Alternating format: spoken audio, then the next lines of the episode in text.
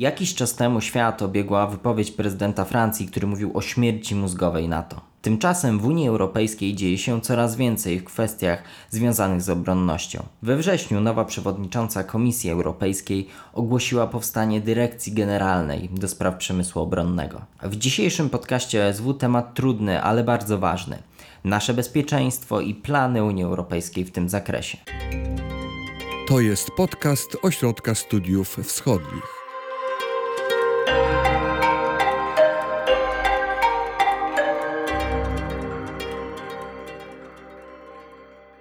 Przed mikrofonem Tomasz Leś, a naszą przewodniczką po skomplikowanych i bardzo trudnych meandrach unijnej polityki bezpieczeństwa i obrony będzie Justyna Gotkowska, koordynatorka projektu Bezpieczeństwo i Obronność w Europie Północnej. Bardzo mi miło. Na początek podstawowe pytanie, które wydaje mi się narzuca się każdemu laikowi, to jest czy ta dyrekcja to jest jakiś zalążek nowego Ministerstwa Obrony Unii Europejskiej albo po prostu Europejskiej Armii? Czy to jest jakiś wstęp do takich działań? Nowa Dyrekcja Generalna do Spraw Przemysłu Obronnego i Przestrzeni Kosmicznej nie będzie zalążkiem Ministerstwa Obrony, przykładowo Unii Europejskiej. Tak się nie stanie.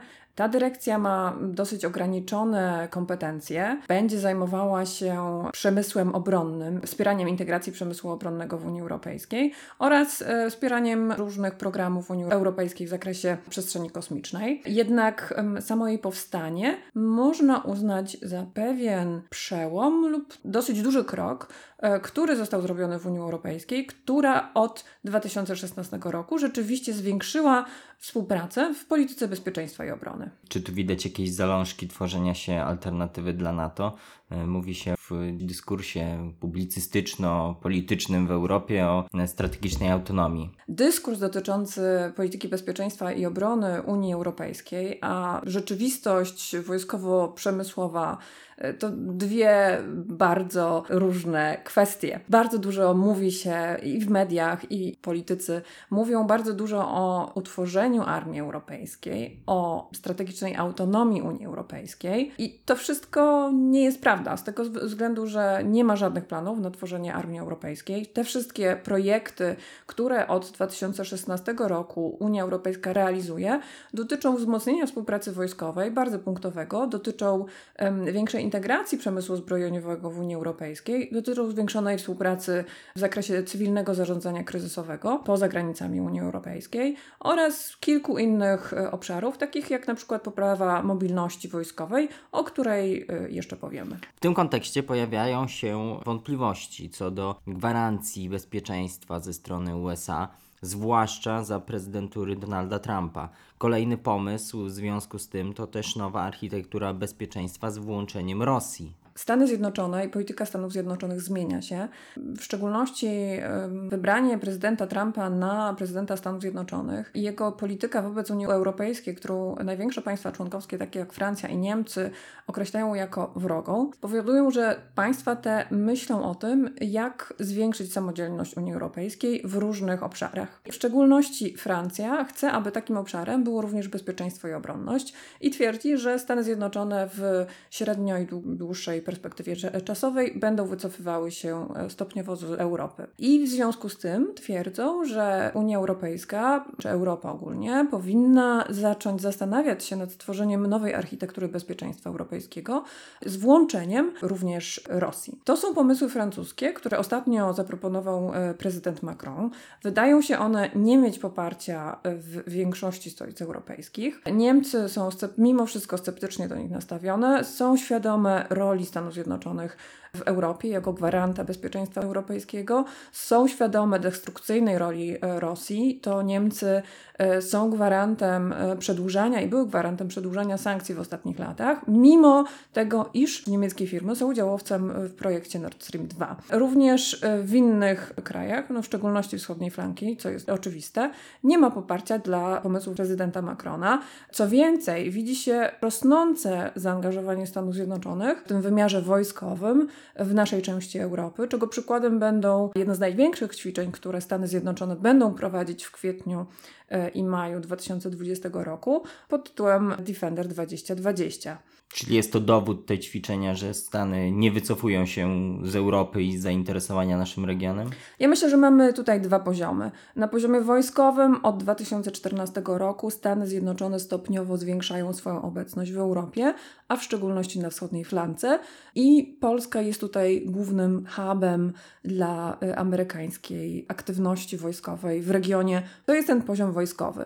I tutaj mamy perspektywy na dalsze lekkie zwiększanie lub utrzymanie amerykańskiej obecności, zwłaszcza po tym, jak w czerwcu 2019 roku podpisane zostało polsko-amerykańskie porozumienie w tym obszarze. Z drugiej strony mamy ten poziom polityczny, na którym rzeczywiście kwestionowane są w coraz większym stopniu amerykańskie gwarancje dla Europy, amerykańska aktywność y, w NATO. To wszystko jest stawiane pod znakiem zapytania ze względu na takie dosyć eratyczne wypowiedzi prezydenta Stanów Zjednoczonych, wymagające od sojuszników zwiększania nakładów na obronność i uzależniające od tego amerykańskie zaangażowanie w ramach NATO.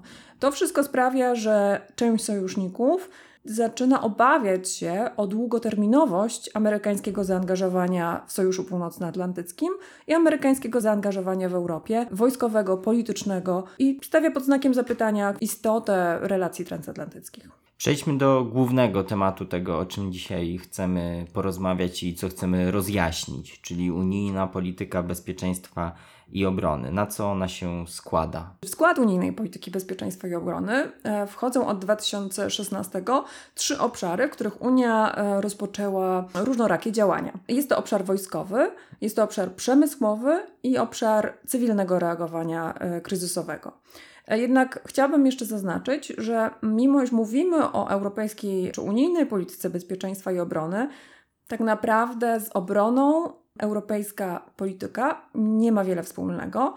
Chodziło we wspólnej polityce bezpieczeństwa i obrony WPBIO do tej pory o reagowanie wojskowe i cywilne reagowanie kryzysowe poza granicami Unii Europejskiej. No i tutaj porozmawiajmy o tym, co było. Za chwilę wrócimy do tego, co jest i co będzie. Więc co było do tej pory? Były misje i operacje wojskowe, między innymi. E, do tej pory Unia Europejska koncentrowała się na prowadzeniu i zwiększeniu zdolności do prowadzenia operacji E, i misji cywilnych oraz wojskowych. Jeżeli spojrzymy obecnie na to, jak Unia Europejska jest zaangażowana w swoim sąsiedztwie, to prowadzi ona 11 cywilnych misji reagowania kryzysowego. I do są czego to, te misje się sprowadzają? Są to różnego, różnego rodzaju misje, e, od wsparcia budowy zdolności w krajach afrykańskich przykładowo, po misje wsparcia ochrony granic e, na Ukrainie czy w Mołdawii, poprzez misje doradcze, misje wsparcia policji, wsparcia wsparcia praworządności, jak przykładowo na Bałkanach, czy misje monitorowania konfliktu,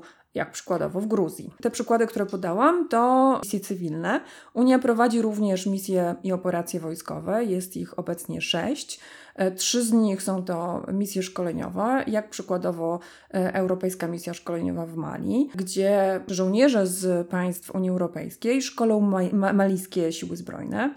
Taką operacją jest również unijna operacja Sofia, w której Polska w tej chwili bierze udział. Ona rozpoczęła się w 2015 roku i miała na celu ograniczenie nielegalnego przemytu e, ludzi do Unii Europejskiej. W tej chwili Polska bierze udział e, z około 100 żołnierzami w tej operacji z samolotem patrolowo-rozpoznawczym Bryza. Czyli to są takie dwie grupy misji operacji, e, w których Unia bierze udział.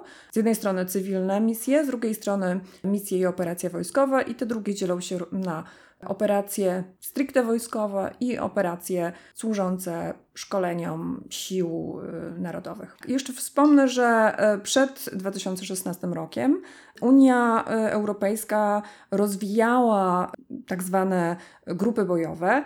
To są oddziały wielkości do 1500 żołnierzy. I takie grupy bojowe wystawiały poszczególne kraje Unii Europejskiej co pół roku. I z reguły mieliśmy do czynienia z dwoma grupami bojowymi pozostającymi na dyżurze w danym półroczu. I wa warto wspomnieć, że w tym półroczu od lipca do grudnia 2019 roku to Polska e, razem z państwami wyszehradzkimi wystawia jedną e, z takich grup. I co robi taka grupa? Jaka jest jej rola? Grupy bojowej? Taka grupa bojowa w zamierzeniu miała być właśnie gotowa na udział i prowadzenie operacji wojskowych e, unijnych w sąsiedztwie, mając na myśli głównie Północną Afrykę czy Bliski Wschód, ale de facto żadna z tych grup e, nie była e, do tej pory użyta. Czyli chodziło tej... po prostu o to, żeby była grupa bojowa, grupa żołnierzy, którzy są gotowi wyruszyć w misję w razie jakiegoś poważnego kryzysu na świecie. Dokładnie.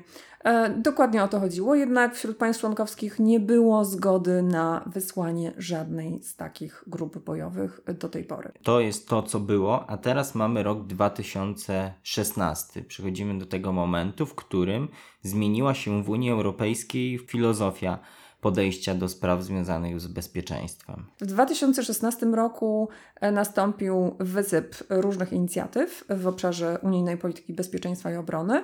I jak powiedziałeś, e, filozofia w ramach kształtowania tej polityki unijnej zmieniła się. W tej chwili Unia kładzie nacisk na zwiększenie współpracy wojskowej pomiędzy państwami narodowymi oraz na integrację przemysłu zbrojeniowego w Unii Europejskiej, a także na wzmocnienie cywilnego reagowania kryzysowego. To może przejdziemy tak po kolei po tych trzech segmentach i zaczniemy od tego najbardziej powiedzmy twardego elementu, czyli współpracy wojskowej. Na czym polegają te zmiany, które zaczęły się w 2016 roku i do czego to zmierza w tym momencie? Mamy tutaj w, w ramach współpracy wojskowej takie trzy elementy. Pierwszym z nich to utworzenie natowskich struktur dowodzenia na potrzeby misji i operacji wojskowych. To pierwszy punkt. Drugi punkt to e, zwiększenie czy, czy wzmocnienie wspólnego planowania zdolności wojskowych w Unii Europejskiej. A trzeci punkt to e, rozpoczęcie punktowych projektów współpracy wojskowej pod kryptonimem PESCO, e, czyli projektów stałej współpracy wojskowej. To pojęcie PESCO jest właśnie chyba najbardziej rozpoznawalnym i jednym z najbardziej rozpowszechnionych, tak mi się wydaje. Do czego się sprowadzają te projekty w ramach PESCO? Jak, jak to wygląda współpraca? Kto może zgłosić taki projekt? Na czym takie projekty mogą polegać? PESCO to taka ogólna nazwa na zbiór bardzo różnych projektów, które corocznie od 2016 roku państwa członkowskie zgłaszały i które były zatwierdzane do realizacji. I można je pogrupować w trzy grupy. Pierwsza grupa to projekty wspierające wspólne szkolenia i ćwiczenia. Druga grupa to projekty generujące zdolności dla działań operacyjnych na, na lądzie, na morzu czy w powietrzu i de facto są to projekty mające na celu rozwijanie konkretnego sprzętu lub uzbrojenia wojskowego, czyli są to projekty przemysłowe, mogące otrzymać finansowanie ze struktury Unii Europejskiej i o tym jeszcze powiemy. Trzecia grupa to projekty budujące zdolności wspólne i wspierające prowadzenie operacji. To może jakieś przykłady takich projektów mm, realizowanych w ramach PESCO? Na przykład Polska bierze udział w 10 takich projektach. Jednym z takich projektów przemysłowych to projekt utworzenia wypracowania europejskich bezpiecznych radiostacji programowalnych. Projekt podobny to utworzenie zintegrowanego lądowego systemu bezzałogowego, a projekt w zakresie wsparcia dla operacji to przykładowo Centrum Wsparcia dla Operacji Reagowania Kryzysowego. Jak wygląda powstawanie takiego projektu? Po prostu każde państwo może zebrać grupę innych państw i pojechać do Brukseli z tym projektem i powiedzieć, że chcemy, żeby to było realizowane. Jeżeli chodzi o zgłaszanie takich projektów, to wygląda to następująco. Państwa Unii Europejskiej zgłaszają e, konkretne projekty do tak zwanego sekretariatu PESCO, który jest tworzony przez struktury Europejskiej Służby Działań Zewnętrznych, Europejskiej Agencji Obrony, Sztabu Wojskowego. Te projekty są wewnętrznie omawiane i później wysoki przedstawiciel do spraw polityki zagranicznych i bezpieczeństwa przed, przedkłada em, e, Radzie e, Unii e, projekty, konkretną listę projektów, które następnie mm, są zatwierdzane przez państwa członkowskie. Czyli ostateczna siła decyzyjna jest w Radzie, ale dużą pozycję i dużą władzę ma też wysoki przedstawiciel, który wybiera spośród tego, co sekretariat też przysieje, te projekty, które trafią w ogóle do głosowania, tak? Tak, rzeczywiście tak jest. Y, Ostateczny głos mają państwa członkowskie, ale taką preselekcję wykonują y, struktury unijne. Czyli jest tu bardzo duża rola też zwykłych urzędników w sekretariacie PESCO. Wydaje mi się, że y, dużą rolę odgrywa fakt, z jakiego państwa pochodzą ci urzędnicy, kto dominuje i jakie myślenie dominuje w takiej właśnie strukturze. Czyli takie budowanie soft power w sekretariacie PESCO byłoby ważne z punktu widzenia racji stanu. To prawda, w kwestiach e, unijnej polityki bezpieczeństwa i obrony ta polityka w większości, czyli w tych kwestiach wojskowych i, i współpracy cywilnej e, pozostaje w kompetencjach państw członkowskich, ale różne decyzje są przygotowywane w Europejskiej Służbie Działań Zewnętrznych, w nowo tworzonych strukturach e, właśnie PESCO czy e, Komisji Europejskiej, przykładowo w, w przyszłym, przyszłej dyrekcji generalnej. I tutaj rola urzędników jest istotna i z tego względu jest istotne, aby każde państwo, takie jak na przykład Polska, miało swoich przedstawicieli w tych strukturach. To jest PESCO, czyli powiedzmy takie miejsce, o którego państwo może przyjść, grupa państw ze swoim projektem i poprosić o jego finansowanie i jego realizację. Ale mówiłaś też o mobilności wojskowej, że to jest ważna rzecz, która teraz będzie podkreślana w kontekście unijnym. Co to znaczy?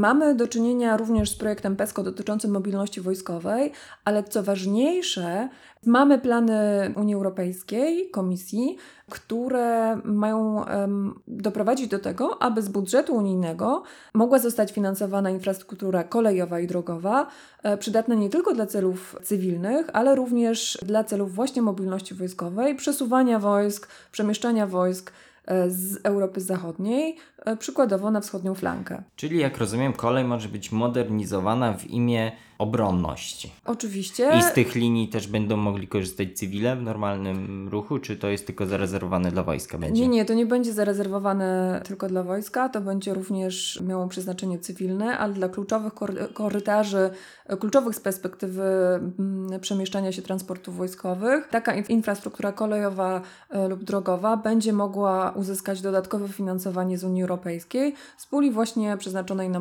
mobilność wojskową. Tutaj sprawnie przechodzimy do współpracy przemysłowej i tego, co Unia Europejska może finansować. Tak, ale warto powiedzieć, że do tej pory Unia Europejska chciała inaczej regulować y, te kwestie przemysłu zbrojeniowego. Do 2016 roku chodziło o to, aby y, podmioty z innych państw unijnych y, miały dostęp na równych prawach w przetargach zbrojeniowych w innym państwie Unii. Czyli żeby polska firma miała takie same szanse w przetargu we Francji jak firma francuska. Dokładnie. Zwiększenie konkurencji. E, dokładnie. Oczywiście od tego były wyjątki i jeżeli państwo stwierdziło, że zakup danego uzbrojenia ma istotne znaczenie dla narodowego bezpieczeństwa, e, to mogło nie, nie stosować się do tego rozporządzenia. Nie było to nadużywane? Było to nadużywane i było to zaskarżane w Unii Europejskiej i jednak wiele tych takich wyjątków e, państwa, państwa narodowe, państwa Unii Europejskiej e, robiły. Ale teraz ma być lepiej. Teraz ma być zupełnie inaczej. Od 2016 roku cel jest inny i celem jest większa integracja przemysłu zbrojeniowego w Unii Europejskiej. Unia postanowiła dofinansowywać wspólne projekty realizowane przez kilka firm z e, różnych krajów Unii Europejskiej, które miały na celu e, rozwijać e, określone uzbrojenie, sprzęt wojskowy, wypracowywać prototypy.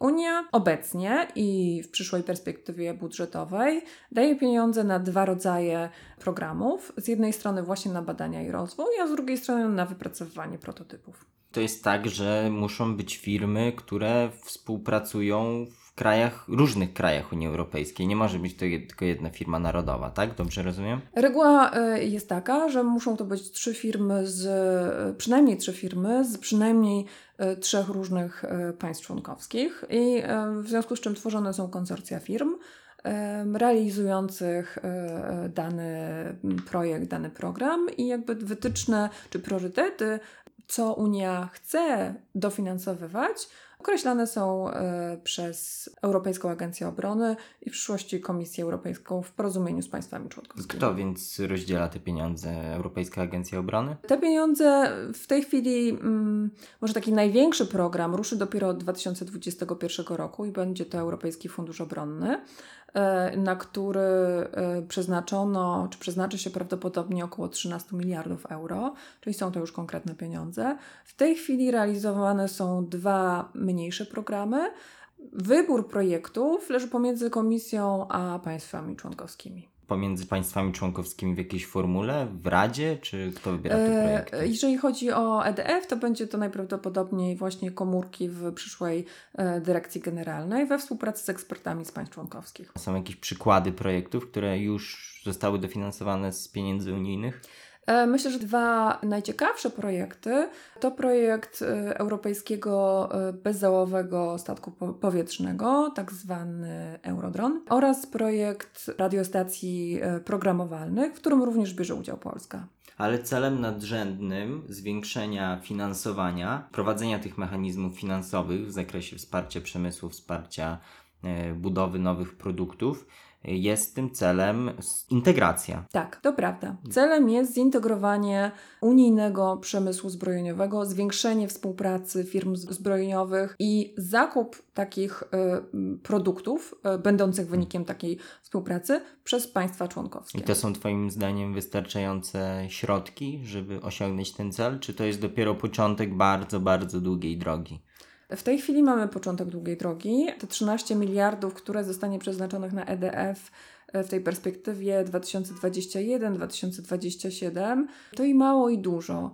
Z tego względu, że rocznie to będzie około od 1 1,5 miliarda do 2,7 miliardów euro.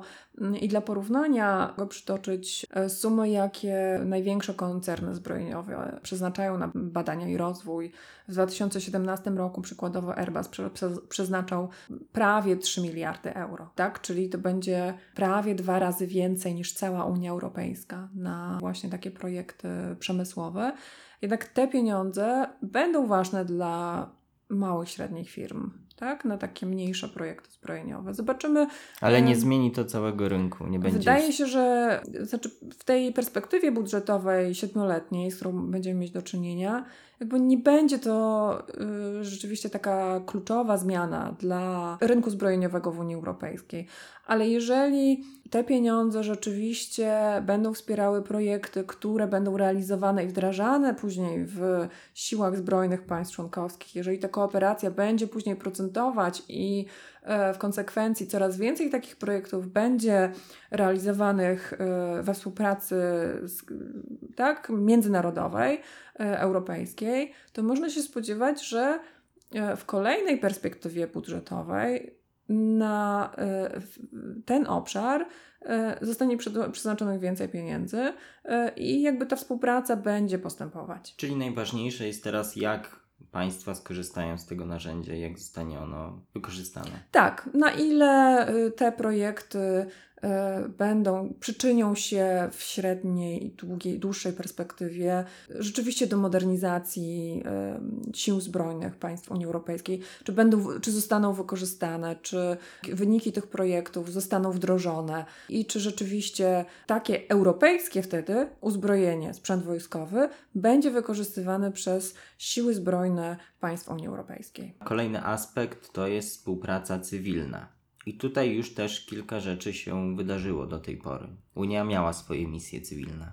Tak, i o nich mówiliśmy. Mówiliśmy o tych 11 misjach cywilnych, przykładowo w Kosowie, w Gruzji, w Ukrainie, w Mołdawii, w państwach afrykańskich. Trudno ocenić efekty tej współpracy. Trzeba by przyjrzeć się rzeczywiście konkretnym misjom e, cywilnym. I to było wsparcie ochrony granic, praworządność, wymiana ekspertów. Dokładnie tak. Wsparcie dla lepszego funkcjonowania praworządności, a więc wysyłani byli sędziowie, policjanci, eksperci z administracji państwowej, ze Straży Granicznej, jeżeli chodzi przykładowo o ochronę granic.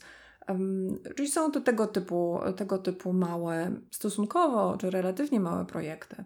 E, I w tej chwili, od, e, zwłaszcza w tym roku, Unia e, właśnie skupiła się na wypracowywaniu nowych inicjatyw, nowych instrumentów, poprzez które chciałaby wymusić na państwach członkowskich Unii Europejskiej większe zaangażowanie w ten obszar. Z tego względu, że w ramach zaangażowania Unii Europejskiej w sąsiedztwie, czy to na, w, w Afryce, Bliskim Wschodzie, czy w państwach Partnerstwa Wschodniego, uzna, Unia uznaje, że takie misje rzeczywiście mają znaczenie, mają przełożenie i czasem są ważniejsze, istotniejsze od misji wojskowych. To może być taki software Unii Europejskiej, który może coś zmienić. I tutaj nie ma konfliktu wtedy z NATO i to jest coś, co można dosyć swobodnie rozwijać i Ja myślę, że również w tych kwestiach wojskowych nie ma konfliktu w NATO. Y, To, czy, czy, te, czy te wszystkie projekty wojskowe y, będą stanowiły alternatywę dla Sojuszu Północnoatlantyckiego, na ten temat toczyły się dyskusje w ostatnich latach. Mm, Ale y, sposób, w jaki te projekty zostały ostatecznie wypracowane, nie wskazuje na to, aby Unia rzeczywiście przekształciła się w alternatywę dla, dla, dla NATO. E, Co więcej, powiedziałabym, że mm, może stanowić e, ta, ta działa, działalność, aktywność Unii Europejskiej i państw członkowskich w ramach Unii może stanowić, no może nieistotne, ale znaczne wzmocnienie sojuszu e, północnoatlantyckiego, ponieważ w ramach Unii Europejskiej państwa wzmacniają czy modernizują swoje siły zbrojne, wzmacniają współpracę, zwiększają zdolności, e, choć do tej pory i w przyszłych latach będzie, będzie to jakby, jakby skala tego nie będzie duża, ale przyczyni się to tym samym do wzmocnienia tak, zdolności wojskowych państw członkowskich NATO. W związku z czym, e, ponieważ większość państw Win-win. e, Unii Europejskiej jest członkami, e, członkami sojuszu. Ale wróćmy do tej współpracy cywilnej, bo chyba dobrze, żeby to wybrzmiało. Wiele z państw Unii Europejskiej mówi, że nie ta współpraca wojskowa, nawet nie ta przemysłowa, ale właśnie ta cywilna jest najważniejsza.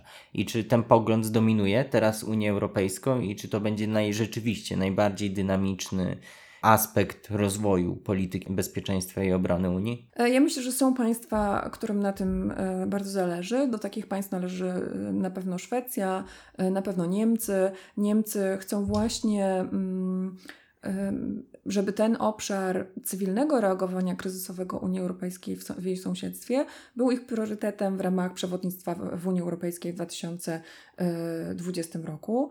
Em, I zamierzają powołać w Berlinie takie centrum e, które będzie prawdopodobnie nosiło nazwę Centrum Doskonalenia w zakresie cywilnego reagowania kryzysowego.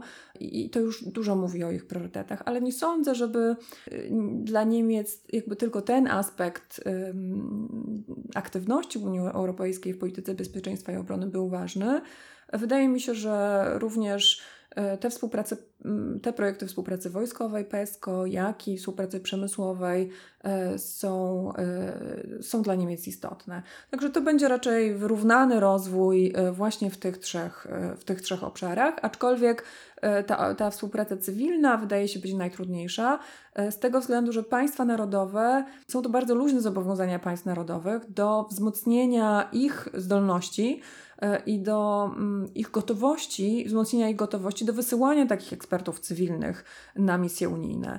No i to jest dosyć trudne ze strony Unii Europejskiej do wyegzekwowania i zdaje się, że w tej chwili jakby wypracowywane są instrumenty, które mogłyby nakładać na y, państwa unijne takie zobowiązania bardziej konkretne w tym obszarze. Tutaj przechodzimy do kolejnego bardzo ważnego as- aspektu, czyli do tego, co mówią poszczególni aktorzy. Już powiedziałaś trochę o Niemczech, o tym, co się mówi w Niemczech na ten temat i jaka jest opinia niemieckiego rządu. Ale co Francja? Bo Francja chce większego zaangażowania Unii w kwestii obronności. Rzeczywiście to Francja była e, prowodyrem em, czy państwem, które, które zaproponowało wszystkie te inicjatywy, e, otrzymała we współpracy z Niemcami, ale e, to Francuzi chcieli i chcą nadal e, właśnie osiągnięcia tej strategicznej autonomii przez Unię Europejską, Dlaczego uzależnienia tak się od? Stanów Zjednoczonych. Ponieważ w- jakby Francja uznaje, że Unia Europejska powinna w zmieniającym się świecie powinna stawać się samodzielnym aktorem obok Stanów Zjednoczonych, obok Rosji, obok, ob- obok Chin. Z tego względu Francuzi nalegają na to, aby Unia w coraz większym stopniu była właśnie autonomiczna w obszarze reago- wojskowego reagowania kryzysowego, w obszarze przemysłu zbrojeniowego, czyli produkcji e, zbrojeniowej. I to nie tylko jakby kwestie bezpieczeństwa, ale również interesy francuskiego przemysłu. I jakby to jest celem francuskim, tak? Stworzenie z Unii Europejskiej podmiotu międzynarodowego, który prowadziłby e, spójną, wspólną politykę zagraniczną e, i bezpieczeństwa i był w stanie, może nie konkurować, ale e, był na jednym poziomie z takimi aktorami jak Stany Zjednoczone, Rosja czy Chiny w polityce międzynarodowej. Francuzi zawiedzeni polityką unijną tworzą obecnie Europejską Inicjatywę Interwencyjną. I to prawda. To znaczy to, o czym powiedziałam, to, były, to są francuskie życzenia i francuskie ambicje, które nie zostały zrealizowane z tego względu, Albo że... zrealizowane połowicznie. Albo zrealizowane bardzo połowicznie, zrealizowane, ja myślę, że ten kompromis, o którym właśnie mówimy, czyli te wszystkie inicjatywy, o, którym, o których mówimy, są kompromisem. Kompromisem pomiędzy ambicjami francuskimi, e, niemieckim status quo, a e, takimi hamulcowymi ze wschodniej fla- flanki, e, jak Polska, która obawiała się właśnie za bardzo tych francuskich ambicji e, i obawiała się tego usamodzielnienia e, Unii Europejskiej wobec Stanów Zjednoczonych. I Francuzi rzeczywiście tym kompromisem są zawiedzeni, o czym poka- pokazuje to ich reakcja na PESCO w szczególności. Francuzi myśleli, że PESCO również przyczyni się do zwiększenia możliwości Unii Europejskiej do reagowania e, kryzysowego za granicą, czyli do wysyłania rzeczywiście e, sił e, ze strony państw członkowskich, Wojskowych. wojskowych na operacje i misje, przykładowo do Mali, tak? tam, gdzie, Mhm. tam, gdzie Francja jest mocno zaangażowana. Tak nie będzie. E, I z tego względu e, Francuzi utworzyli inny format e, współpracy wojskowej poza strukturami Unii Europejskiej, który nazwali Europejską Inicjatywą Interwencyjną, która ma na celu właśnie zbliżenie się kultur strategicznych państw biorących udział w tej, w tej inicjatywie. Jest to w tej chwili 13 państw. Tak, aby w przypadku konfliktu, kryzysu w sąsiedztwie i chęci z interwencji Unii Europejskiej czy państw, największych państw członkowskich, żeby ta inicjatywa pomogła e, w właśnie w przeprowadzeniu takich działań. I są jacyś zainteresowani udziałem w tej inicjatywie? W tej inicjatywie y, biorą y, państwa, y, udział państwa południa Europy, również Niemcy, również... Niemcy chyba tak na zasadzie bardziej kontrolnej biorą udział, żeby wiedzieć, co się tam dzieje. Ja myślę, że większość państw, które bierze udział w tej, udział w tej inicjatywie, bierze w niej udział właśnie na takiej zasadzie, znaczy by chcieliby z jednej strony nie wypada odmawiać Francuzom, y, z drugiej strony y, warto wiedzieć, co mają na celu, prowadząc, czy proponując takie działania, taką inicjatywę, ale wydaje się, już dwa lata po ogłoszeniu tej inicjatywy przez prezydenta Macrona, jak na razie nic, nic z niej nie wynika i zobaczymy, jak będzie się toczyć dalej ten, ten projekt. Charakterystyczną cechą francuskiej propozycji jest to, że one są szumnie ogłaszane, szumnie przedstawiane, a później mija kilka lat i nic z nich nie wynika. Czy taka inicjatywa francuska nie grozi stworzeniem Europy dwóch prędkości w dziedzinie obronności? Nie wydaje się, z tego względu, że ta inicjatywa jest, to znaczy ona może wzmacniać rzeczywiście współpracę pomiędzy tymi państwami, które chcą e, brać udział w operacjach e, europejskich, reagowania kryzysowego gdzieś tam w sąsiedztwie, przede wszystkim e, w Afryce, być może na Bliskim Wschodzie. Ale mamy jakby w tym krajobrazie bezpieczeństwa, w obszarze bezpieczeństwa i obrony w Europie, mamy jakby sporo możliwości prowadzenia takich operacji mm, poprzez Unię Europejską, poprzez NATO, tak? poprzez koalicję chętnych. I, I to jest taki patchwork z różnych, różnych organizacji, różnych instrumentów, które mogą być wykorzystywane i Europejska Inicjatywa Interwencyjna jest jednym z nich. Czy Mhm. może być jednym z nich z tego względu, że jeszcze w jej ramach żadne działania nie zostały podjęte. Mówimy o aktorach i zapytam teraz o aktora, który nas najbardziej interesuje, czyli o Polskę. Jak my się odnajdujemy, jak nasz, jaka jest nasza polityka odnośnie tego e, dyskursu o polityce bezpieczeństwa? E, Polska rzeczywiście była sceptykiem co do rozwijania tych wszystkich unijnych inicjatyw e, i być może słusznie na początku, z tego względu, że ta retoryka, dyskurs, narracja o tworzeniu strategicznej autonomii Unii Europejskiej, o tworzeniu pewnej alternatywy do, do sojuszu ze Stanami Zjednoczonymi, no była dosyć niepokojąca na początku 2016 roku, zwłaszcza po wyborze Trumpa na prezydenta Stanów Zjednoczonych, po Brexicie. Widać było chęci właśnie Francji i Niemiec do tworzenia pewnych alternatywnych struktur. E, Jednak w procesie wypracowania e, tych wszystkich instrumentów, gdzie Polska również miała taki trochę hamulcowy, swój hamulcowy udział, te instrumenty, czy PESCO przykładowo, czy instrumenty prze, przemysłowe, takie jak Europejski Fundusz Obronny, wydają się być korzystne również dla państw wschodniej flanki, takich jak Polska. Jeżeli chodzi o projekty wojskowe PESCO, to Polska bierze obecnie udział w 10 takich projektach. W tym jest państwem ramowym jednego z nich, a mianowicie Centrum Medycznego Szkolenia Sił Specjalnych, który to projekt został zgłoszony w listopadzie 2019 roku. E, Polskie podmioty są również aktywne, jeśli chodzi o wykorzystanie środków finansowych em, przeznaczonych na projekty przemysłowe. Sześć polskich podmiotów bierze udział w pięciu e, konsorcjach e, realizujących takie projekty. Jeżeli chodzi o Europejski Fundusz Obronny, to w tej chwili jeszcze wiele nie wiadomo, bo będzie on funkcjonował dopiero od 2021 roku i zobaczymy, na ile polskie firmy zbrojeniowe są w stanie brać udział w tych projektach. Ale myślę, że te doświadczenia obecne są, powiedziałabym, zachęcające. Chciałam jeszcze powiedzieć, że jeżeli chodzi o ten cywilny wymiar e, reagowania kryzysowego Unii Europejskiej, to Polska wysyła bodajże jeden z największych kontyn- kontyngentów ekspertów różnego rodzaju, tak? czy to policjantów, sędziów, czy właśnie em, osoby biorące udział w, w innych, w pozostałych misjach cywilnych. Podsumowując to, o czym mówimy, kilka pytań. Po pierwsze, mówiliśmy o wspólnym planowaniu. Mówiłaś o tym na początku. E, Czy to oznacza jakieś nowe kompetencje organów Unii Europejskiej? To znaczy, te wszystkie inicjatywy, o których tutaj rozmawiamy, de, czy tak de jure, może nie przynoszą żadnych kompetencji na e, struktury Unii Europejskiej.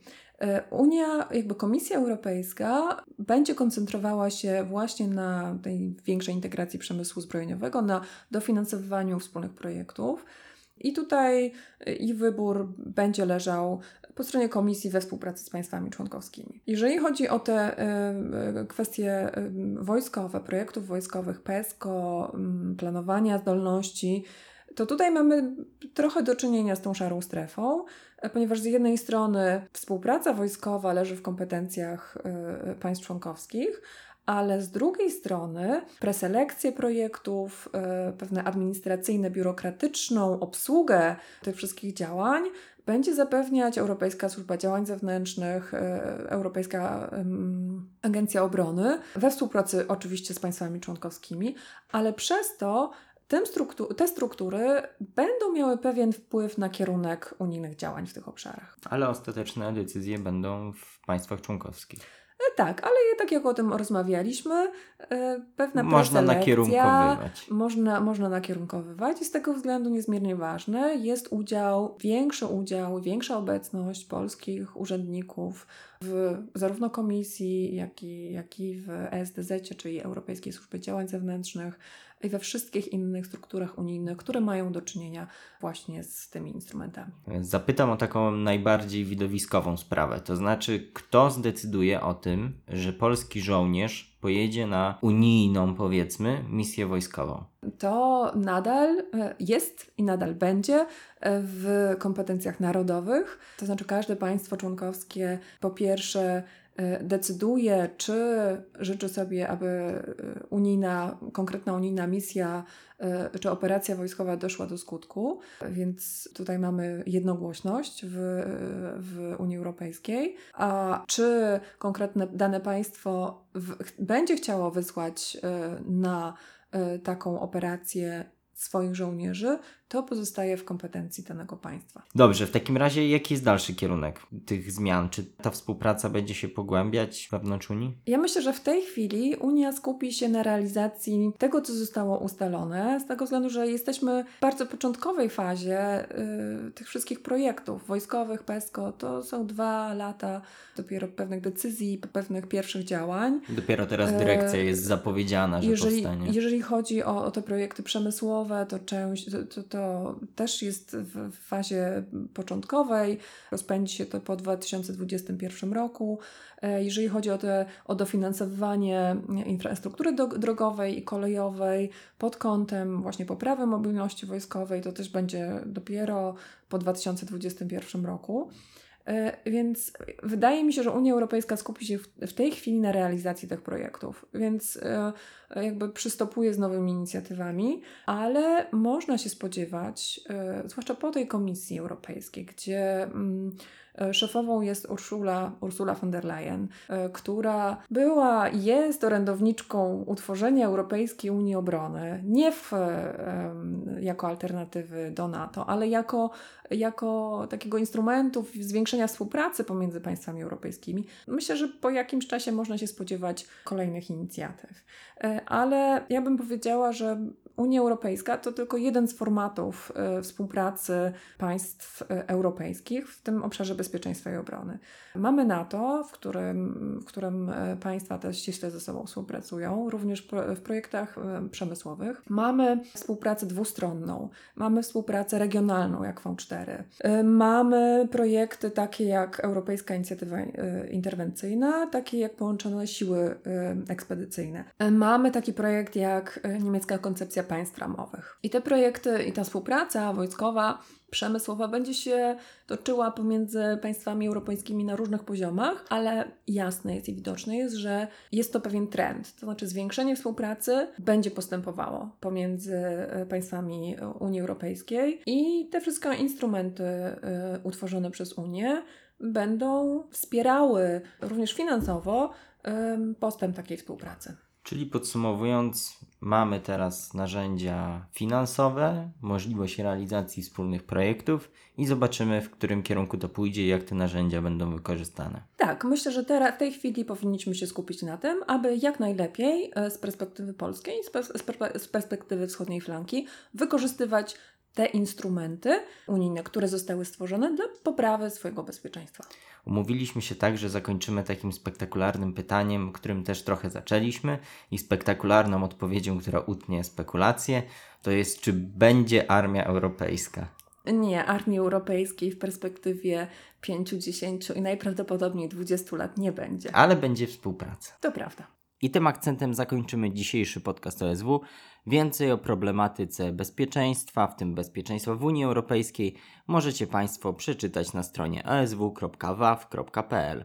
Do usłyszenia następnym razem.